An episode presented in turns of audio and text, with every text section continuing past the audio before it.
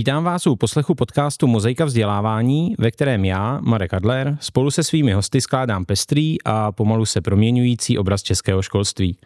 Hostem tohoto dílu je Tomáš Ervín Dombrovský, analytik pracovního trhu ve společnosti LMC, provozující pracovní portály Jobs.cz a Práce.cz či vzdělávací web Seduo.cz. Tomáši, vítejte v Mozaice vzdělávání. Dobrý den.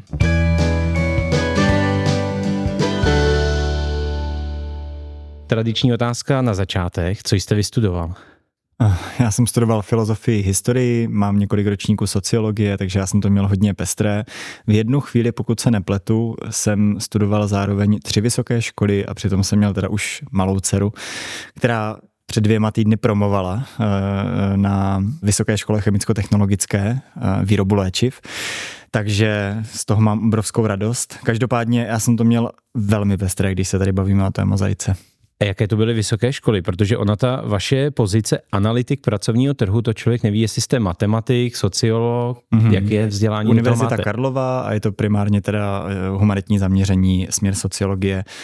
I když jsem ze sociologie nepromoval nakonec, eh, to jsem opustil, ale ty základy se mi už potom vždycky hodily. To znamená, že hned po té sociologii jste se začal věnovat té personalistice, pracovnímu trhu? Nikoliv, já jsem byl vlastně v první části kariéry eh, necelých deset let novinář, vždycky jsem hodně tíhl právě mm, jednak novým technologiím, trendům. Ehm, od nějakých osmi let jsem měl vlastně první počítač, že jo, ještě tenkrát osmibitový. V tomhle byla i moje maminka vlastně hodně prozíravá, že pořizovala všechny tyhle ty nové vlastně věci relativně záhy. To bylo ještě před revolucí, takže to bylo docela jako neúplně typické k tomuhle mít přístup. No a jako moje první vlastně úplně uplatnění novinářské bylo právě v odborném časopise směřovaném na digitální komunikační technologie, takže tam jsem se začal jako více přiklánět tady tím letím směrem. A potom už jsem vždycky pracoval eh, víceméně směrem jako zpracování informací. Jo. Nakonec jsem se dostal až k výzkumu, ale to v té současné firmě. A co vás přivedlo právě k tomu výzkumu trhu práce? Mm-hmm. Tak já jsem původně nastupoval na jinou roli ve firmě, ale mi se to vlastně během prvního roku jako hodně přeskupilo, protože mm, ta firma prostě má nějaké poslání, vizi, že jo, to je klasika. Ale podstatou té činnosti je pomáhat lidem dostávat se mm, do práce nebo k něčemu, případně do podmínek, které jim vlastně jako sednou a ta práce není jenom o obživě, jo, není to prostě jenom ale prostě nevolnictví, dělám, co musím, co se mi řekne a vydělávám za to nějaké peníze, které mi pomohou jako ufinancovat nějaké základní potřeby. V takové fázi společnosti už naštěstí nejsme. Dneska opravdu si lidi vybírají věci, které chtějí dělat, které jim dávají smysl, potažmo vybírají si podmínky na tom trhu, který je v českém kontextu poměrně jako hodně našponovaný, lidi chybí, takže je tady jako velký konkurenční tlak na to, aby vlastně se lidi mohli posouvat do zajímavých podmínek k činnostem, které jim dávají jako větší smysl. No a samozřejmě, když jste v roli firmy, která proto poskytuje nějaké služby, online nástroje, pracovní portály a podobně, nebo třeba vzdělávací platformu, eh, tak to podstatné, co potřebujete, je nějaký poznání potřeb na obou stranách. Jo? Potřeb na straně lidí, zaměstnanců, potažmo lidí, kteří budou vstupovat na pracovní trh a potřeb na straně firem a z různých zdrojů. Buď máme že real-time data z pracovních portálů, ty nám ale spíše ukazují to, co je možné tady a teď. Ty neukazují to, co zatím nefunguje tolik dobře, protože pozice, které nevznikají, nejste schopen analyzovat. Eh, když nevznikají příležitosti, které by lidi chtěli, tak nevidíte, kolik reakcí by na ně případně bylo. Jo? Takže ta real-time data mají prostě omezenou eh, možnost eh, analytiky. Zatímco ve výzkumu vidíte vlastně i nějaký prostor pro posun. Jo? Co lidé potřebují, kde jim to skřípe, ať už jde třeba o organizaci práce, o možnosti spolupráce třeba na dálku v současném kontextu, o finanční podmínky, o to, jakým způsobem vlastně se v té práci kotví, jak spolupracují v týmech, jak komunikují a tak dále. A co na druhé straně zaměstnavatele jako běžně umožňují a jaké jsou ty trendy v tom nějakém dlouhodobějším vývoji, kam se celý ten trh posouvá. A tady to zvědomování na obě strany, jednak lidem, co je dneska možné, dostupné, co firmy dělají, a jednak firmám, což je možná ještě důležitější, po čem lidé touží, co lidé chtějí, proč mění práci, jaké jsou ty tlaky, co je dobrovolné, co je spíše vynucené okolnostma. Tak tady tohleto zvědomování na obě strany je strašně důležité pro to, aby se ten celý trh někam jako posouval. No a tady v tomhle jsem se posledních 12 let extrémně našel, takže dneska těch 12 let vlastně posledních dělám primárně výzkum, analytiku, syntézu a hlavně teda se snažím potom to poznání jako předávat na obě strany i zaměstnancům, i do firem aby eh, tady vznikal nějaký jako informovanější obrázek třeba pro důležitá životní rozhodnutí, protože pro podstatnou část lidí je práce jednou z těch hlavních oblastí v životě. Práce, blízké vztahy, zdraví, to jsou ty věci, které vlastně lidi řeší celý život dokola. Ta práce možná může být zajímavá tím, že pořád kombinuje ty technologie, v kterých se pohybujete a které třeba používáte k získávání dat a ten vhled do duše těch hledajících na trhu práce nebo těch hledajících hmm. v těch firmách. Tak ono o technologiích to je samozřejmě taky hodně tím, že mm, ten můj zaměstnavatel LMC se zaměřuje na online nástroje, tak samozřejmě jako drží intenzivně v tom produktovém vývoji krok eh, s aktuálními vlastně trendy technologickými. Je docela zajímavé, že třeba když se díváme na interakce na pracovních portálech, tak eh, lidi mají tendenci se hodně třeba zaškatulkovat podle toho, co už dělali. On je to obecně i stereotyp na straně personalistů, že když vám přichází účetní na pozici účetního, tak je to super, když přichází na pozici třeba v datové analytice, tak už vlastně jako většinou bývá přehlížen, protože ten posun je příliš velký z pohledu většiny personalistů a už si ho jako nezaškatulkují, že tam nějaký předpoklad je. A přitom dneska spousta mm, lidí, kteří pracují ve financích, jsou opravdu dataři. Jo.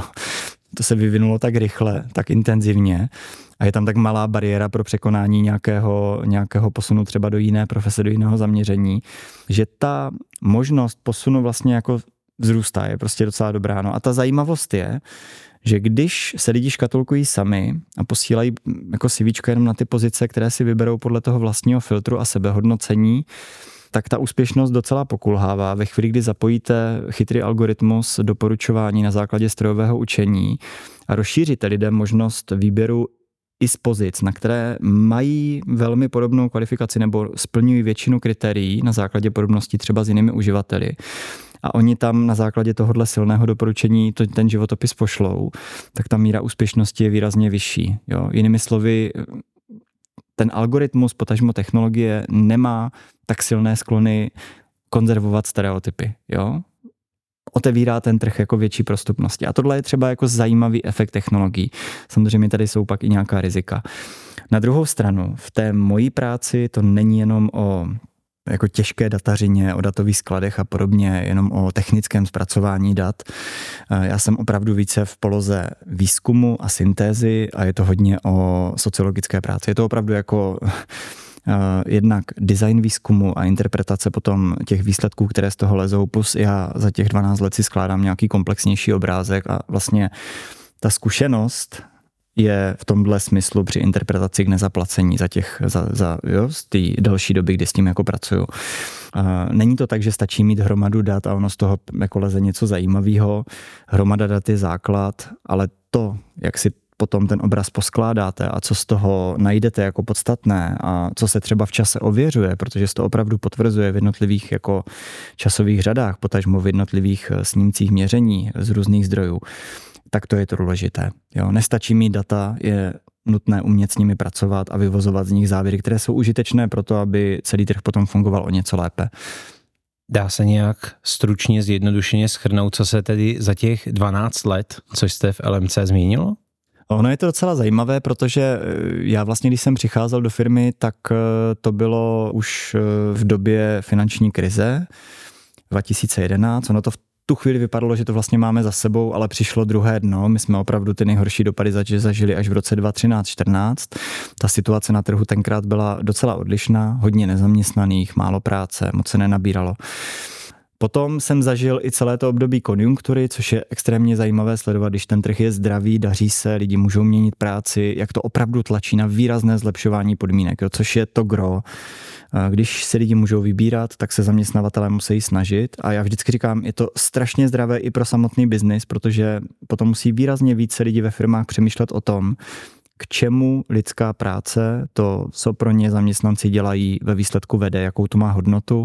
A je to vlastně jako takový zdravý biznisový tlak na to, aby firma neprodukovala jenom levné zboží nebo, nebo nejlevnější v Evropě, jo, ale aby se opravdu posouvala směrem k tomu, že dělá zajímavé věci, kvalitní, přináší nějaký inovace. Jo, že opravdu je tam tlak, nemáme lidi, musíme se opravdu snažit, aby když už nějaké naberem, jsme produkovali extrémně zajímavé věci, ze kterých se potom jako uživíme a můžeme dělat něco lepšího dále. Jo.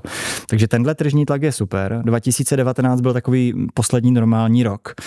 Pak přišla pandemie, potom přišel start války a poslední tři, čtyři roky jsou opravdu jako ve znamení obrovských pohybů a extrémů. Na jedné straně napřed velký propad počtu obsazovaných míst, potom extrémní oživení, zejména teda v první polovině loňského roku to bylo opravdu patrné. My jsme měli rekordní počty obsazovaných pozic, extrémní nedostatek lidí, kteří se příliš jako nehrnuli do změn práce, všichni práci měli, už po covidu i ti, co ji ztratili, našli a zároveň firmy nabíraly výrazně více než třeba právě v roce 2019-2018. Takže ten trh byl jako extrémně našponovaný. No a teď kvůli uh, pokračující válce, energetické krizi, která vrcholila v zimě, tak vidíme další velké pohyby. Firmy jsou trošičku opatrnější.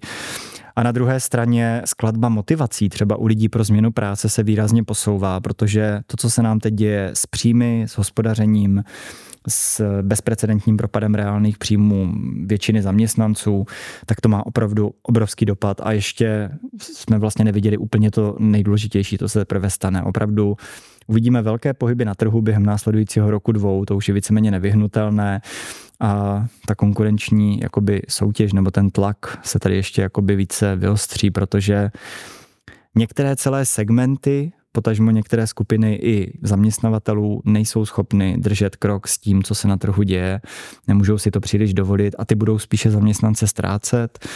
Bohužel se to týká i veřejné sféry, protože veřejné finance nejsou v příliš dobrém stavu. Ještě se možná dostaneme k příčinám.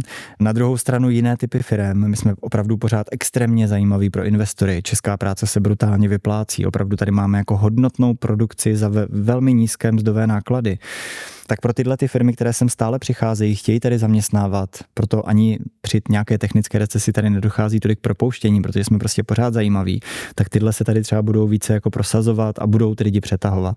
No a pak tady máme, což je dlouhodobý téma, strašně důležitý k komentování, nějaké dlouhodobé jednak technologické vlivy nebo třeba vliv demografie, jo, demografické změny. Jsme velmi rychle stárnoucí populace s poměrně slabými, velmi slabými populačními ročníky dětí narozených mezi lety 95 až 2008 což znamená, že na pracovním trhu přibude ještě jeden tlak. Přicházejí nám ty nejslabší ročníky právě z vysokých škol. A jenom pro představu, ten nepoměr mezi třeba lidmi, z níž většina je dneska zaměstnaných ve středním věku, třeba v ročníku lidí, kterým je dneska 44 let, versus ročník mé dcery, které je 24 let, tak ten rozdíl v počtu hlav na ročník je 100 tisíc.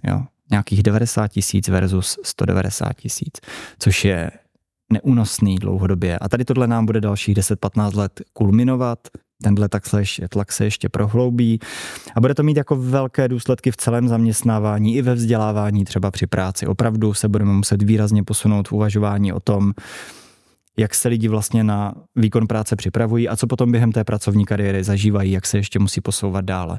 Dneska je to hodně o vlastně nějakém náboru typicky lidí po škole, absolventů, ale absolventem se většinou myslí vysokoškolák, který zrovna skončil a firma si ho uloví a teď se snaží ho hýčkat, aby zůstal, neodešel, což se většinou nedaří ale už během těch pěti, deseti let opravdu se podstatná část rozvoje ve firmách posune směrem ke středním a vyšším ročníkům věkovým, eh, protože bez těchto posunů, aby se nám lidi posouvali v kvalifikacích a doplňovali si je průběžně, i když jim je třeba 40 plus, 50 plus, což se dneska neděje tak často, tak si absolutně nevystačíme. Už v tuhle chvíli je třetina zaměstnanců ve věku 40 až 49 let a skoro 30% nad 50 a průměrný věk roste, věková skladba se posouvá právě k těm vyšším ročníkům.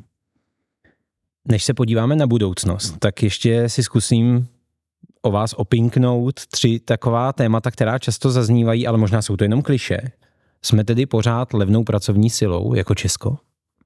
Není to kliše, je to fakt. My jsme opravdu ekonomika levných příjmů. Vzhledem k hodnotě práce, celkové produkce, která už se, ona už v podstatě překonala v paritě kupní síly Španělsko například. Jo. Velmi se blíží Itálii, my jsme v ranku zemí, jako je Anglie, Velká, Velká Británie, Francie. HDP na hlavu v paritě kupní síly, jo, velmi blízko, ale mzdové náklady jsou pořád poloviční až třetinové. Jo, to není udržitelné. Byla to naše sázka v 90. letech na levnou práci, Ona nám vlastně pomohla přilákat investory, rozšířit infrastrukturu, rozhodně nám pomohla dlouhodobě vlastně snižovat a udržovat velmi nízkou nezaměstnanost, až extrémně nízkou nezaměstnanost ale dlouhodobě to vlastně není udržitelné, protože nemůžeme konkurovat jenom cenou. No a tím důsledkem, který vlastně z toho, že tady lidé vydělávají za velmi kvalifikovanou práci s vysokou hodnotou velmi málo, opravdu ty české příjmy jsou extrémně nedostatečné, je jednoznačně to, že v případě jakéhokoliv vlastně výkyvu na trhu nebo jakýchkoliv i krátkodobých třeba potíží, přičemž ty současné jsou hlubší, se to okamžitě odrazí i ve spotřebě domácností, v hospodaření. Jo? Tady je to okamžitě podvázaný, lidi nemůžou utrácet, dostávají se třeba do dluhové spirály. I mezi legálně zaměstnanými máme skoro 10% lidí v exekucích. To je strašná zátěž jako pro všechny, pro celou společnost. No a tím posledním důsledkem, taky důležitým je, že z těch levných příjmů, byť máme poměrně vysoké zdanění práce, jako v rámci evropského srovnání máme eh, velmi vysoké zdanění práce, ale z těch levných nízkých příjmů neplyne tolik peněz do veřejných rozpočtů a potom se nedá investovat ani na úrovni státu nějaké infrastruktury, třeba školství, zdravotnictví, sociální péče. No a když jsme se bavili o demografii, třeba výrazný posun a potřeba jako dostávat více lidí do sociální péče, do sociálních služeb, do zdravotnictví je na snadě. To se nám během dalších 20 let jako bude na tom trhu výrazně propisovat, ale my na to vlastně nemáme peníze a navíc teď v současné situaci ještě stát musel začít šetřit a ještě více podvazovat investice jednak do lidí, ale i do infrastruktury, do služeb, což eh, není úplně nejlepší eh, situace. Druhé takové téma, Vychází nám teďko ze škol jiná generace dětí a teda pracovníků pro pracovní trh. Často se zmiňuje, že mnohem víc teď lidem záleží na work-life balance, na smyslu plnosti práce, nevím na čem dalším s tím, jak se posouvá celá společnost, jakými technologiemi a v jakém prostředí ovzduší v atmosféře vyrůstají vlastně naše děti, tak eh, se samozřejmě proměňuje i jejich přístup a potřeby. Takže opravdu důraz na tyhle aspekty, které jste zmiňovali, je mnohem větší. Na druhou stranu, já bych to kliše malinko vyvracel v tom, ono se to netýká jenom generace Z nebo předtím mileniálu. Jo. Vždycky máme tendenci vztahovat všechno k jedné generaci, která všechno jako radikálně mění, ale ono to tak není. Ona ta změna probíhá v celé společnosti, někde trošičku rychleji, někde pomaleji.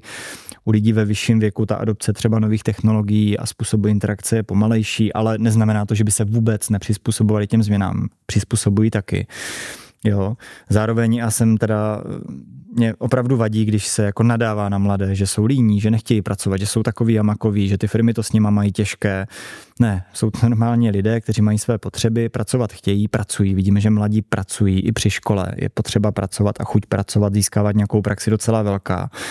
Akorát jejich přístup k tomu, co znamená smysluplná hodnotná práce a co jsou dobré podmínky, je trošičku pozměněný a tomu se ty firmy musí přizpůsobovat. No a poslední věc, a to je možná ta nejdůležitější, Teď občas vycházejí takové reporty, jak prostě tady chybí brigádníci, tamhle se firmám nedaří nabírat mladé, jo, a že to teda znamená, že ti mladí jsou líní nebo že jsou prostě nepracovití. Ne, ten hlavní důvod je, že jich přichází ze škol polovina oproti extrémně silným ročníkům takzvaných husákových dětí dnes ve středním věku. Přichází jich o třetinu méně než třeba v těch silnějších ročnících porodnosti i po revoluci. Ta porodnost prostě byla několik let výrazně snížená od roku 95 do roku 2008.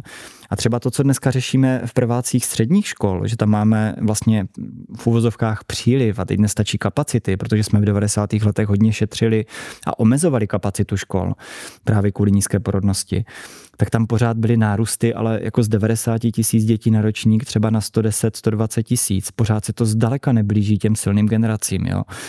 A to je ten důvod, proč máme pocit, že nám jako, že ti mladí vlastně nechtějí pracovat, protože jich je prostě málo. To není o tom, že by byli líní, je jich málo. A zároveň si vybírají z jejich pohledu perspektivní zaměření, ve kterých eh, tuší, že ta dlouhodobá možnost uplatnění bude lepší než třeba, bohužel, třeba v České republice velmi nepopulárních v tuhle chvíli učňovských oborech. Jo. Náš problém, typicky jak zaznívá z průmyslu se s řemeslníky, s jejich nedostatkem, to je i o kvalitě vzdělávání a třeba atraktivitě učňovského školství, potažmo třeba středních průmyslových škol a podobných. Jo Obecně je vidět, když se díváme třeba na nějakou dlouhodobou zaměstnanost, že když přicházejí lidé už na začátku velmi specializovaní v úzkém zaměření, tak jsou sice žádaní často, jako třeba mají to správné zaměření a jsou žádaní, ale i při vstupu na trh, i při změnách práce narážejí právě na tu velmi úzkou kvalifikaci. Zatímco lidé, kteří přicházejí s obecnějším základem a jsou schopni se dále učit poměrně rychle, tak se jednak uchytí dříve, byť třeba na ne tak zajímavých pozicích na začátku, ale velmi rychle se vyprofilují a vypracují na mnohem zajímavější pozice, jejichž náplň vzniká teprve v praxi.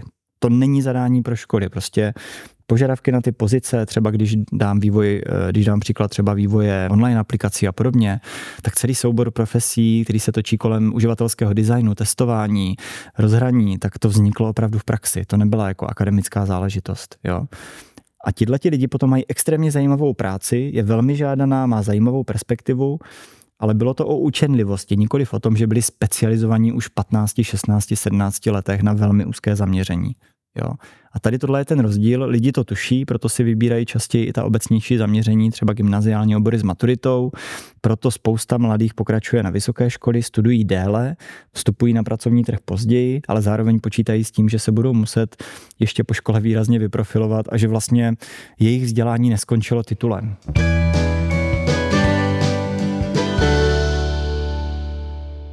Posloucháte podcast Mozaika vzdělávání a s Tomášem Ervínem Dombrovským se teď podíváme na budoucnost pracovního trhu, abychom věděli, jaké zadání máme ve školách očekávat. Na co my vlastně ty děti připravujeme? Hmm.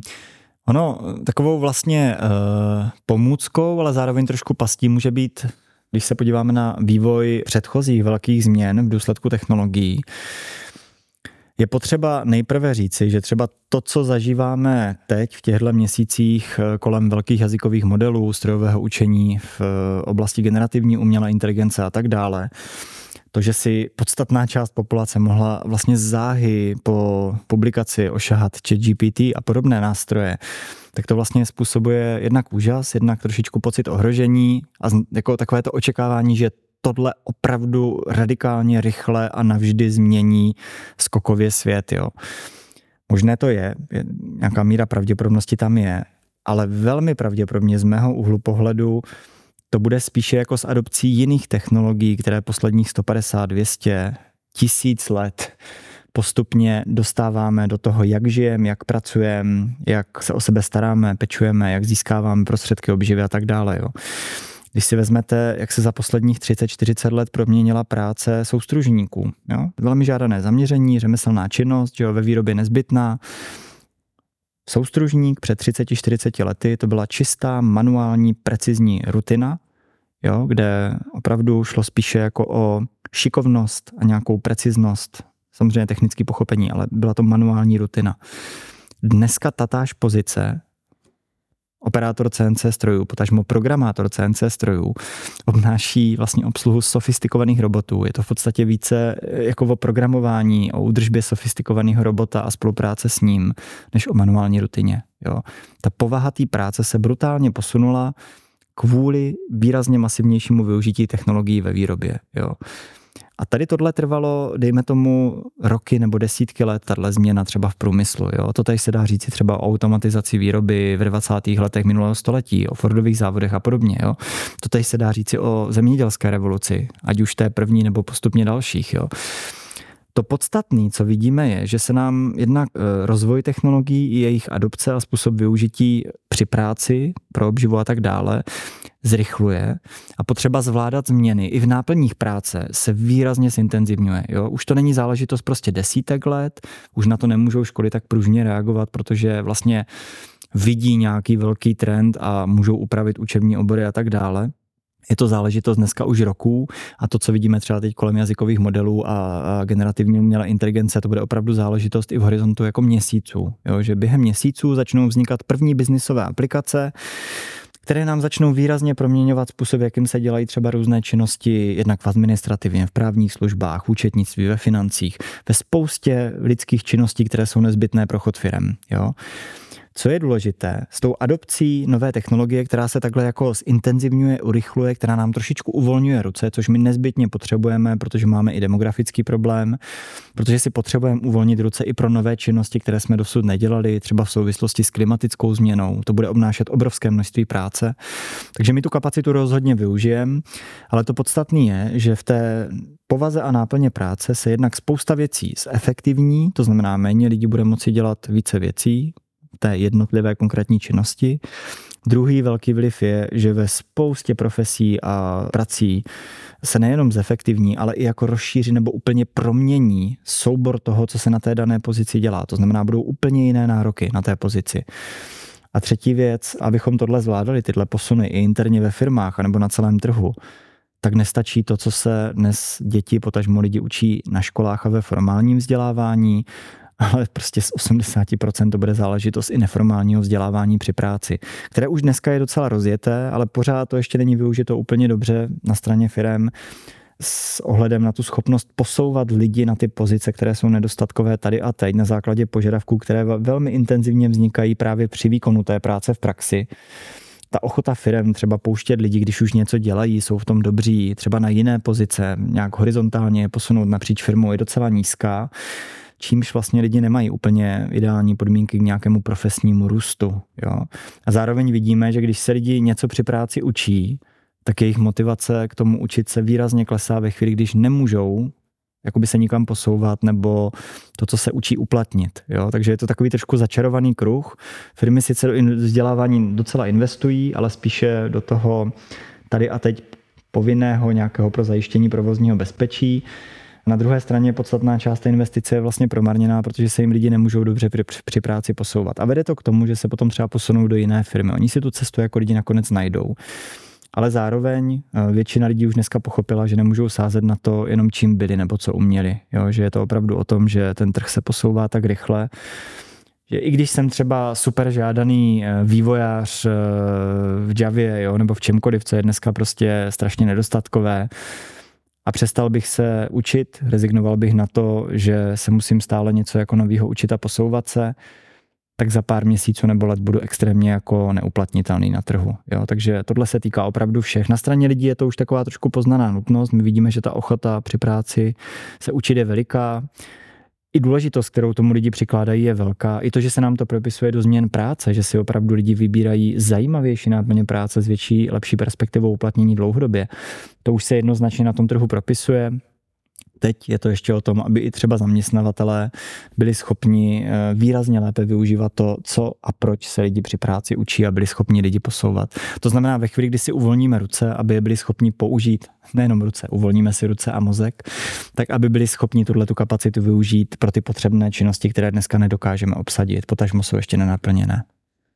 Vy jinými slovy mluvíte o potřebnosti opravdu celoživotního vzdělávání.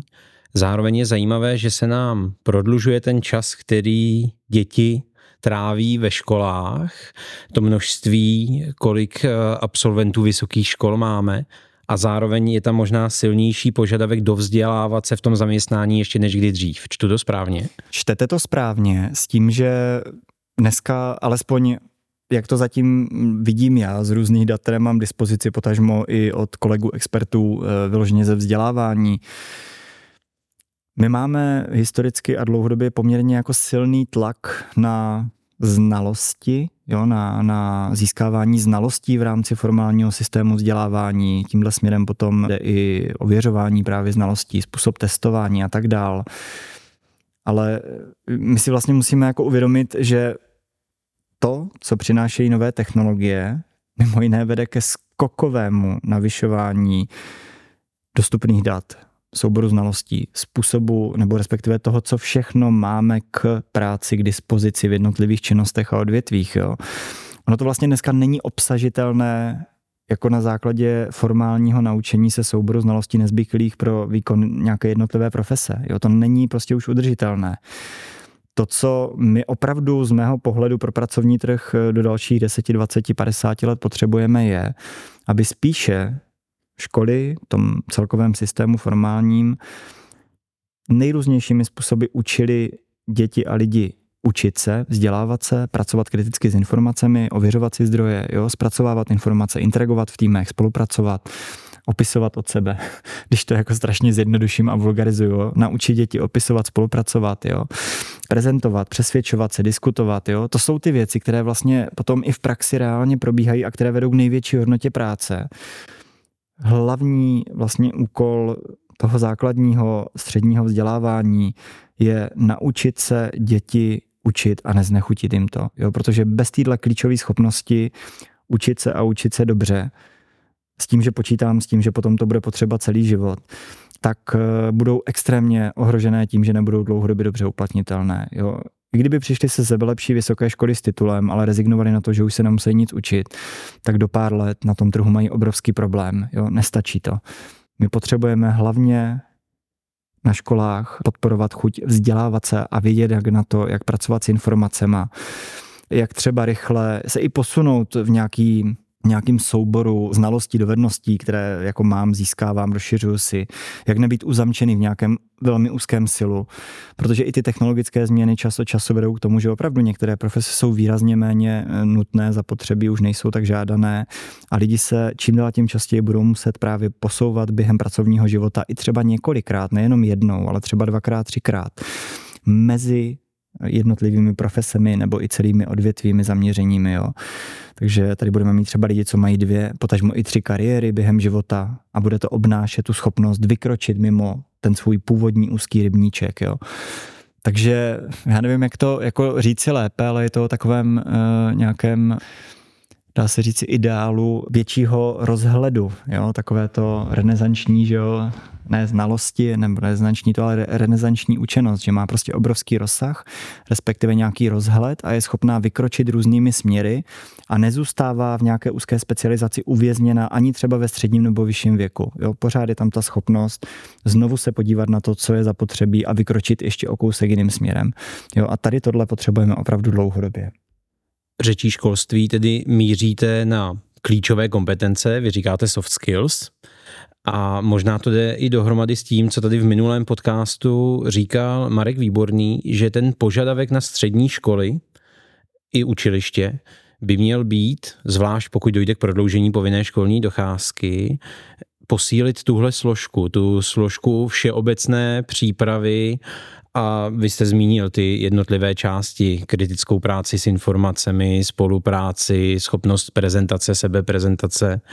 Souhlasíte s tím? Jednoznačně s tím souhlasím. I když jsme se teď bavili v nějakém rozhovoru pro rozhlas a byly tam různé vstupy odborníků, včetně pana ministra školství, o té uvažované, vlastně neříkám reformě, ale nějaké proměně třeba struktury eh, vzdělávání na středních školách, tak mě právě ta cesta jakoby delšího, širšího všeobecného základu a pozdější specializace, až jako v pozdějším věku s nějakou, s nějakou lepší sadou dat, znalostí eh, i schopností, dovedností pro kvalifikované rozhodnutí toho, co a proč chci v životě dělat, přijde extrémně užitečná. Jo? Přijde mi to opravdu jako mnohem lepší cesta, než nutit děti ve 14-15 letech, vybrat si jako úzkou specializaci, třeba někdy na základě jenom toho, kde prostě je místo na škole. Jo. To už ani není o osobní volbě, to je prostě o tom, kde mě vemou.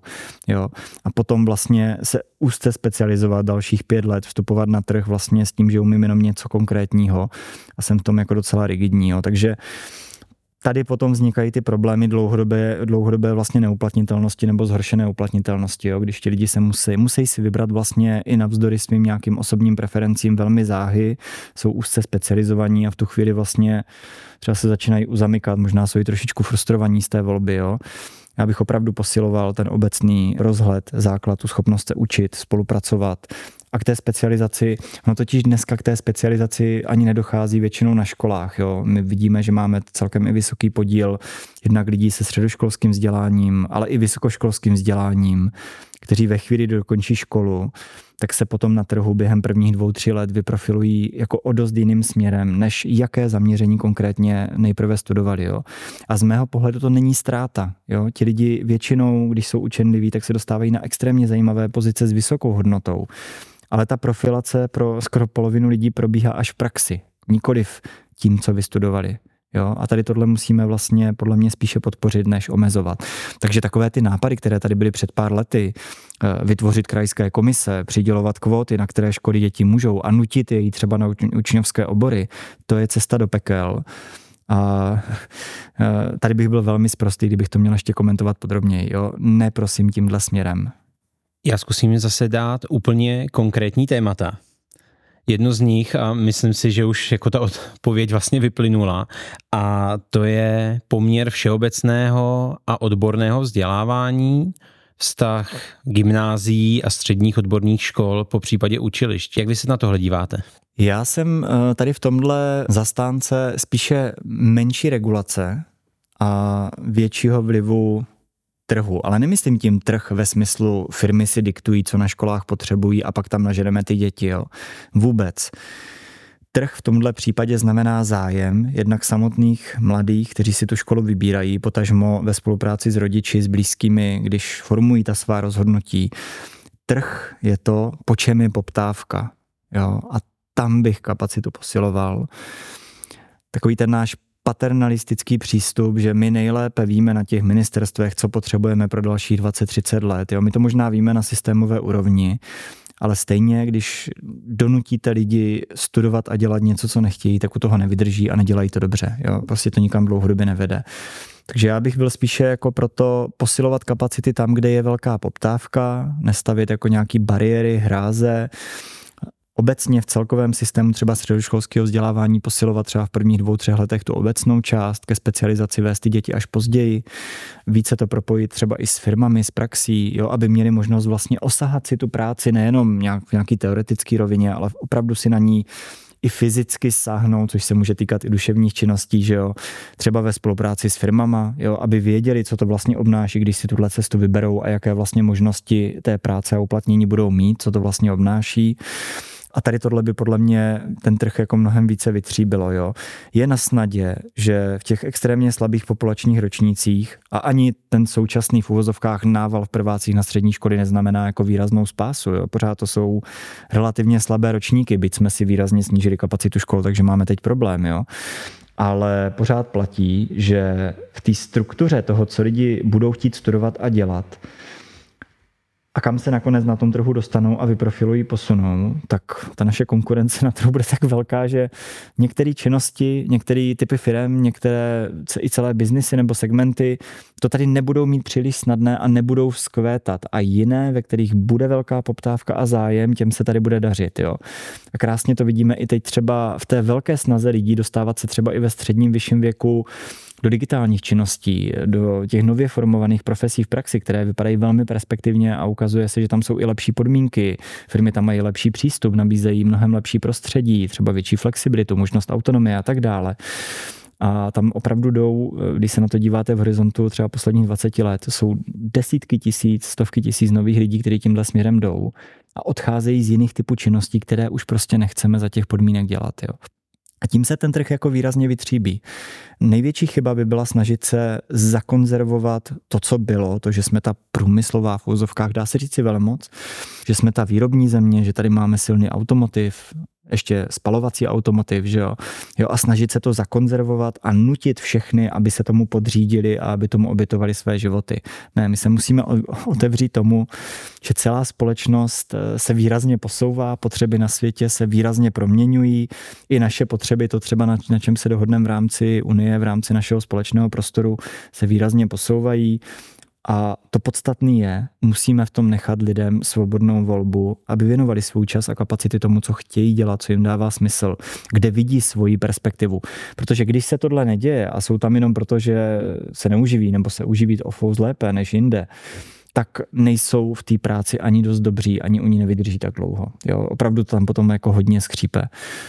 Druhé konkrétní téma, a vy vlastně říkáte řídit to podle těch klientů, což pro střední školy jsou žáci našich základních škol.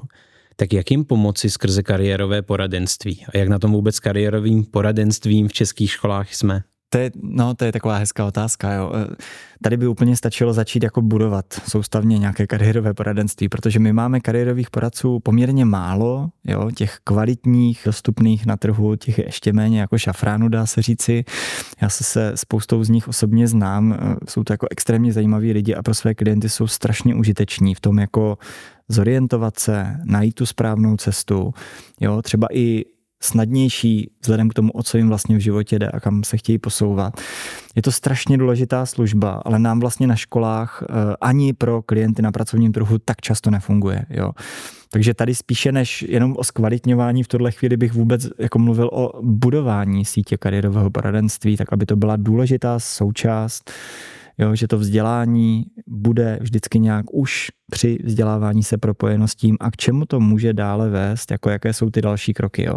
V tuhle chvíli tady ta kapacita není příliš velká, takže já si myslím, že musíme teprve vybudovat síť jako kariérových poradců, pak se zaměřit na kvalitu jejich práce, na poskytovanou, že jo, na poskytované služby a tak dál a potom to nějak jako vytříbit. V tuhle chvíli vlastně jsme úplně na začátku, protože tady síť kariérových poradců není příliš eh, rozšířená, respektive my si často na školách pod kariérovým poradenstvím jako směšujeme dvě věci a to je spíš jako výchovné poradenství než kariérové, jo, že tam ta role je většinou sloučená.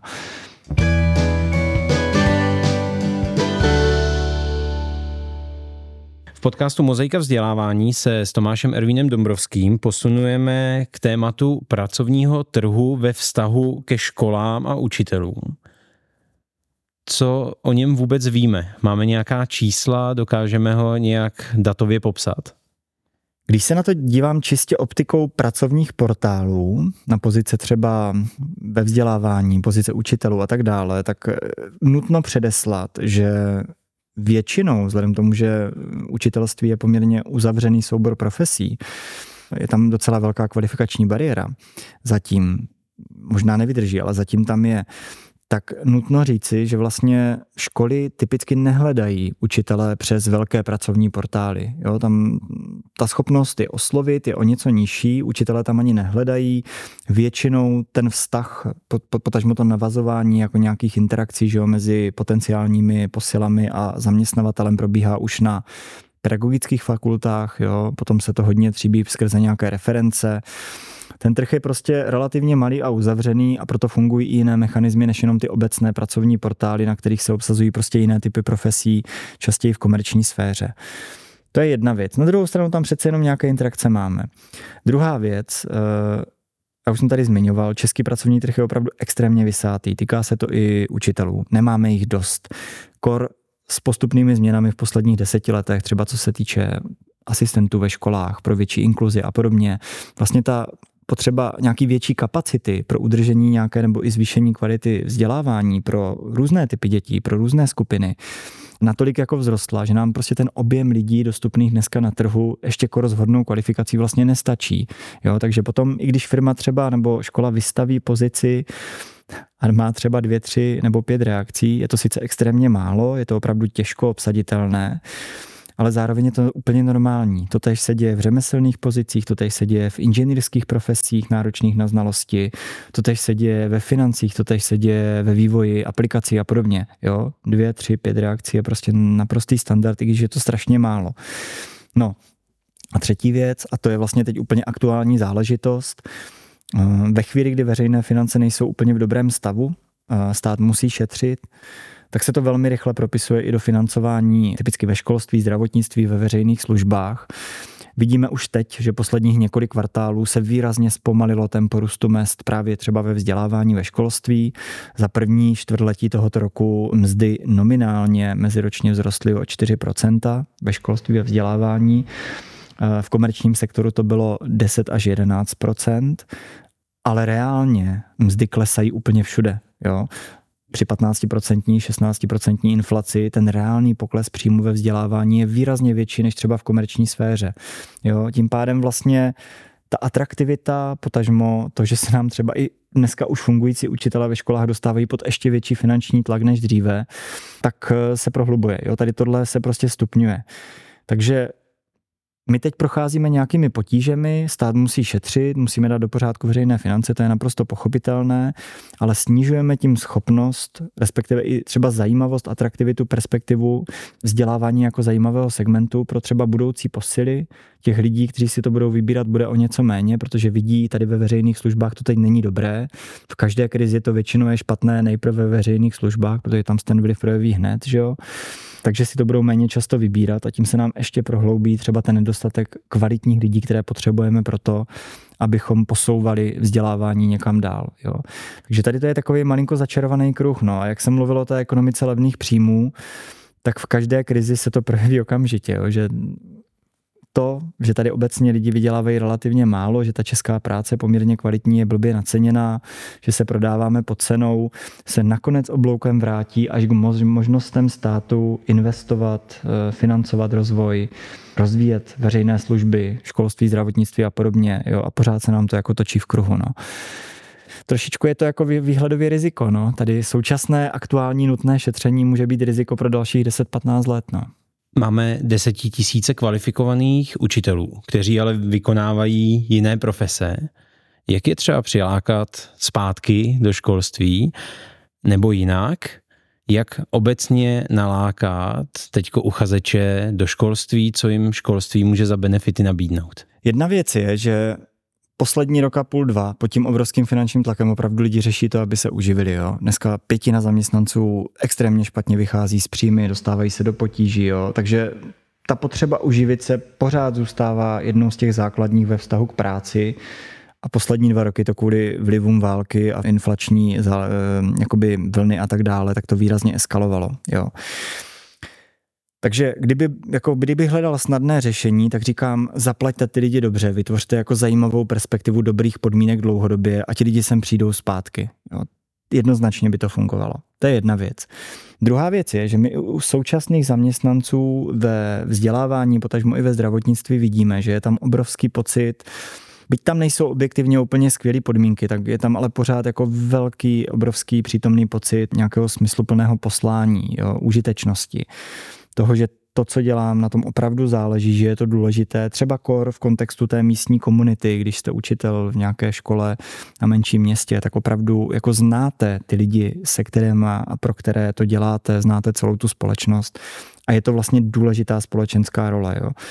Tady tohle je něco, na čem opravdu záleží, Byť, když se lidi neuživí, tak se nám občas stává, že nám utečou prostě do těch profesí, kde se prostě uživí o něco lépe. Ten ekonomický tlak tam pořád jako přítomný je.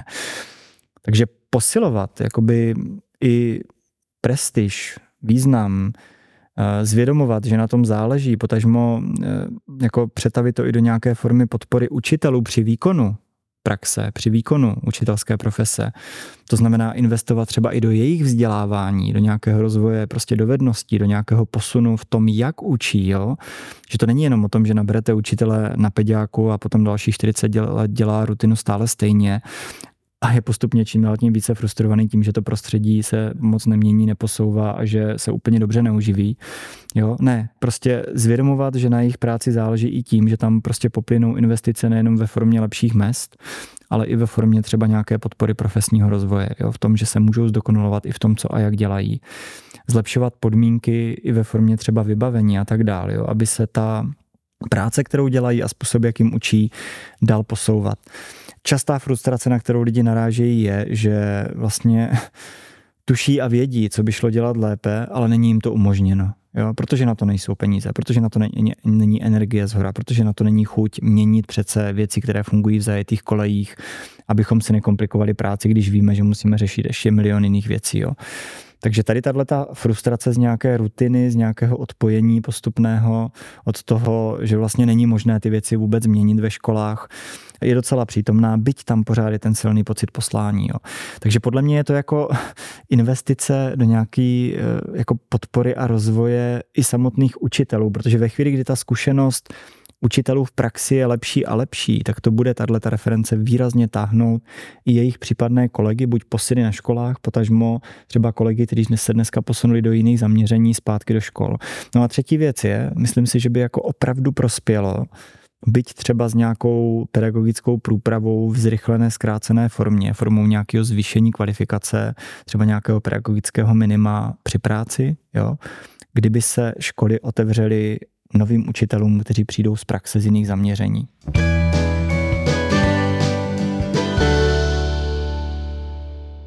V podcastu Mozaika vzdělávání míříme s Tomášem Ervínem Dombrovským do cílové rovinky a zeptám se, kde vy si doplňujete informace, vzdělání, kde sledujete nové trendy.